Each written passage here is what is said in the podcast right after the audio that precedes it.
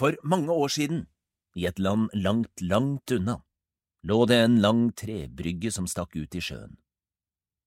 Fortellingen vår begynner en kveld som var helt uhyggelig stille og rolig.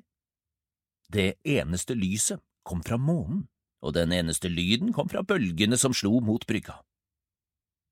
Som silhuetter mot månen sto det to skikkelser på brygga og stirret utover havet. En var kort, den andre var lang. Den korte var et barn. Jenta var lav for alderen, men ble alltid lagt merke til på grunn av sitt enestående nesevise flir. Hun hadde på seg en gammel døffelcoat over en fillete skoleuniform. Det var hull i støvlene hennes, faktisk så mange hull at det ville vært riktigere å si at det var hull med støvler i. Hun var foreldreløs. Jenta het Leven. Det var egentlig ikke navnet hennes, men alle kalte henne Leven, så derfor gjør jeg det også. Hun hadde fått kallenavnet Leven fordi hun alltid lagde leven. Hvorfor rødmet grevlingen? spurte hun med et smil i øyekroken. Ikke flere av de tøysete vitsene dine, Leven. Jeg håpet du hadde fått deg en lærepenge nå, bjeffet den voksne. Hun var den høyeste av dem, en lærer som het frøken Klumpe.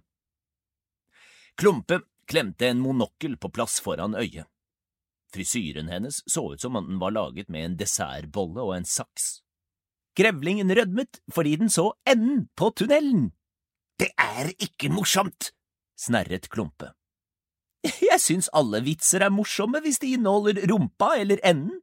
Jeg forbyr deg å si ord som rumpa og enden. Enden også? Spurte eleven med et strålende rampete smil. Ja, enden også. Men frøken, nå sa jo du nettopp enden. Ja, jeg sa enden, men bare for å be deg om ikke å si enden. Nå sa du enden to ganger. Slutt å si enden, sa Klumpe og stampet frustrert med foten. Stomp! De råtne trebjelkene i brygga knaket under henne.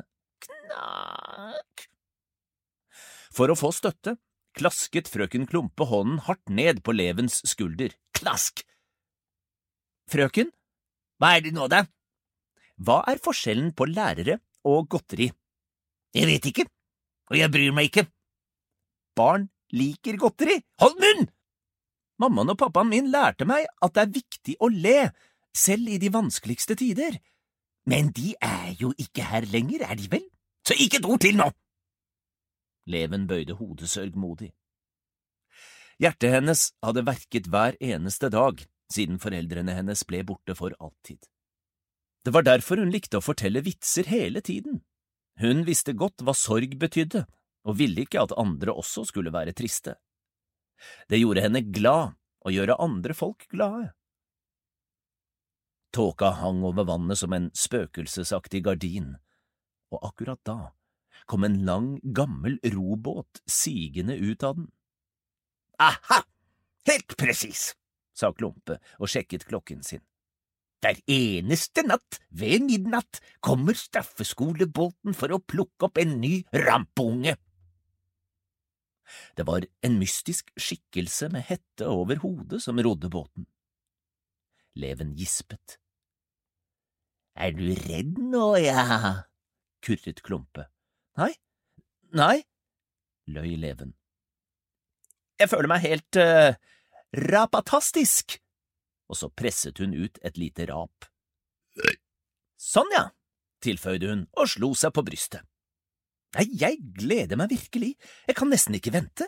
Straffeskolen, det høres skikkelig gøy ut. Bare ett spørsmål. Ja? Um, skal jeg være der lenge? Klumpe gliste demonisk. Bare resten av livet ditt?